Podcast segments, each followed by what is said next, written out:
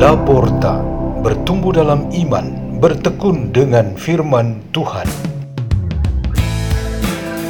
Radio Laporta, pintu terbuka bagimu untuk pertumbuhan pengetahuan dan kebijaksanaan tentang Allah.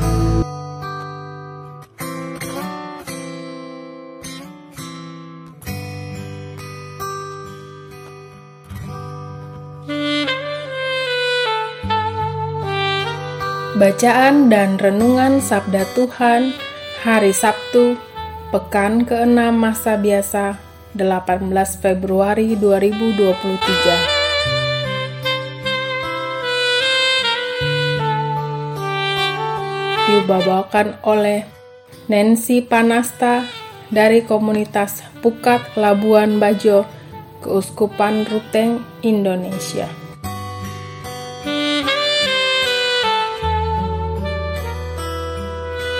Inilah Injil suci menurut Markus bab 9 ayat 2 sampai 13.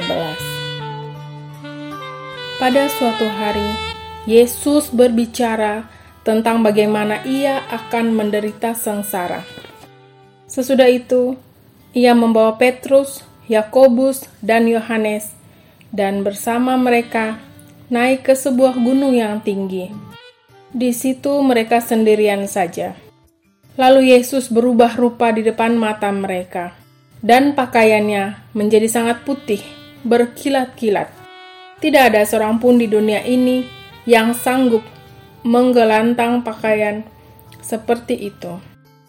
Maka nampaklah kepada mereka Elia dan Musa yang sedang berbicara dengan Yesus.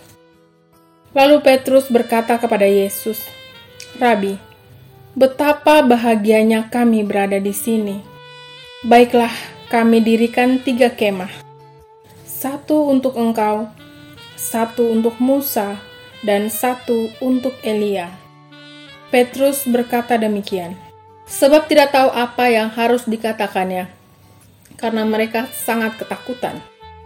Maka datanglah awan menaungi mereka, dan dari dalam awan itu terdengar suara, "Inilah anakku terkasih, dengarkanlah dia." Dan sekonyong-konyong waktu memandang sekeliling, mereka tidak lagi melihat seorang pun kecuali Yesus seorang diri.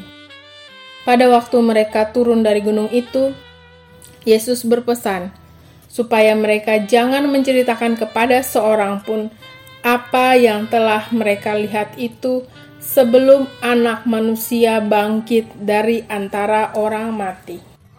Mereka memegang pesan tadi sambil mempersoalkan di antara mereka apa yang dimaksud dengan bangkit dari antara orang mati. Lalu mereka bertanya kepada Yesus, "Mengapa ahli-ahli Taurat berkata bahwa Elia harus datang dahulu?"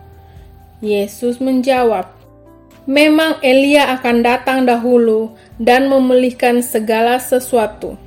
Tetapi bagaimanakah halnya dengan Anak Manusia?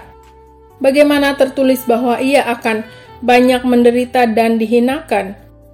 Tetapi aku berkata kepadamu, memang Elia sudah datang, dan orang memperlakukan dia menurut kehendak mereka." Sesuai dengan yang tertulis tentang Dia. Demikianlah sabda Tuhan.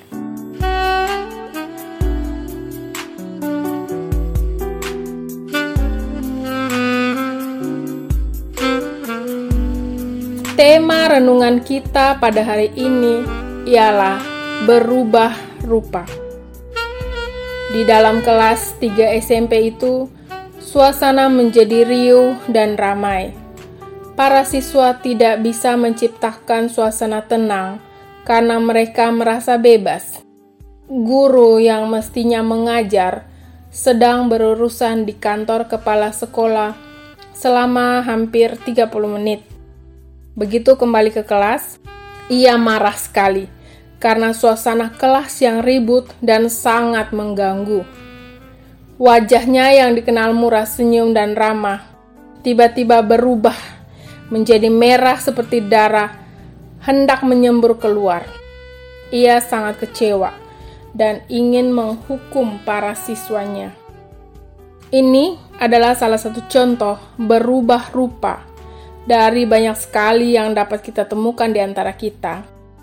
Orang yang malu terlihat perubahan rupa dari normal menjadi lesu dan pucat. Orang yang ceria menampilkan perubahan dari wajah yang normal menjadi segar dan cerah.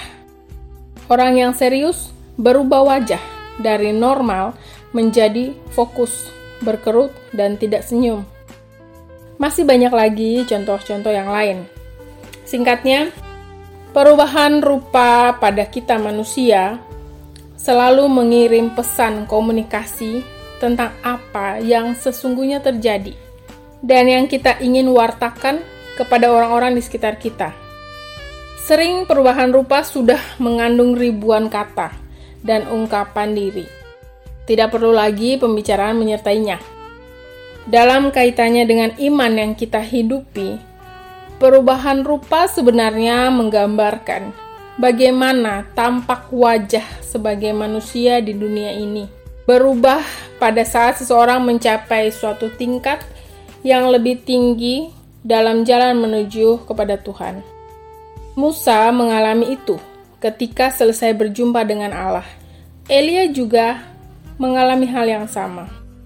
Paulus mengalami sendiri pada saat awal pertobatannya. Dan pada hari ini, kita dikisahkan oleh Injil tentang Yesus Kristus yang berubah rupa.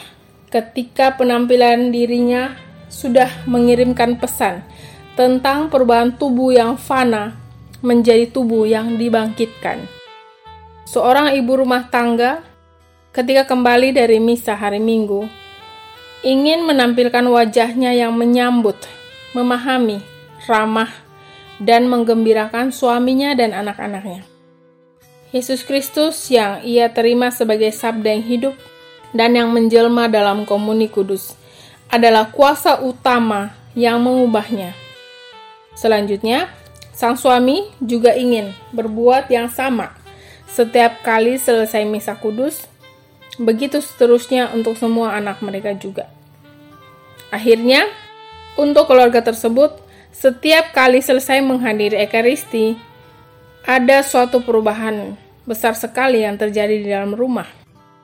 Mereka benar-benar mengalami transfigurasi penampakan baru. Untuk menciptakan perubahan seperti yang dialami keluarga tadi, surat kepada orang Ibrani dalam bacaan pertama menasihatkan bahwa dasarnya ialah iman. Iman membimbing kita untuk berkata dan berbuat yang benar sesuai kehendak Tuhan. Target yang akan dicapai iman yaitu perubahan kepada kesempurnaan kekal. Marilah kita berdoa.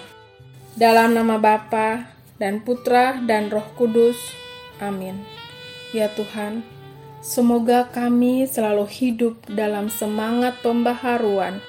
Kemuliaan kepada Bapa, Putra, dan Roh Kudus, seperti pada permulaan, sekarang, selalu, dan sepanjang segala abad. Amin. Dalam nama Bapa dan Putra dan Roh Kudus. Amin.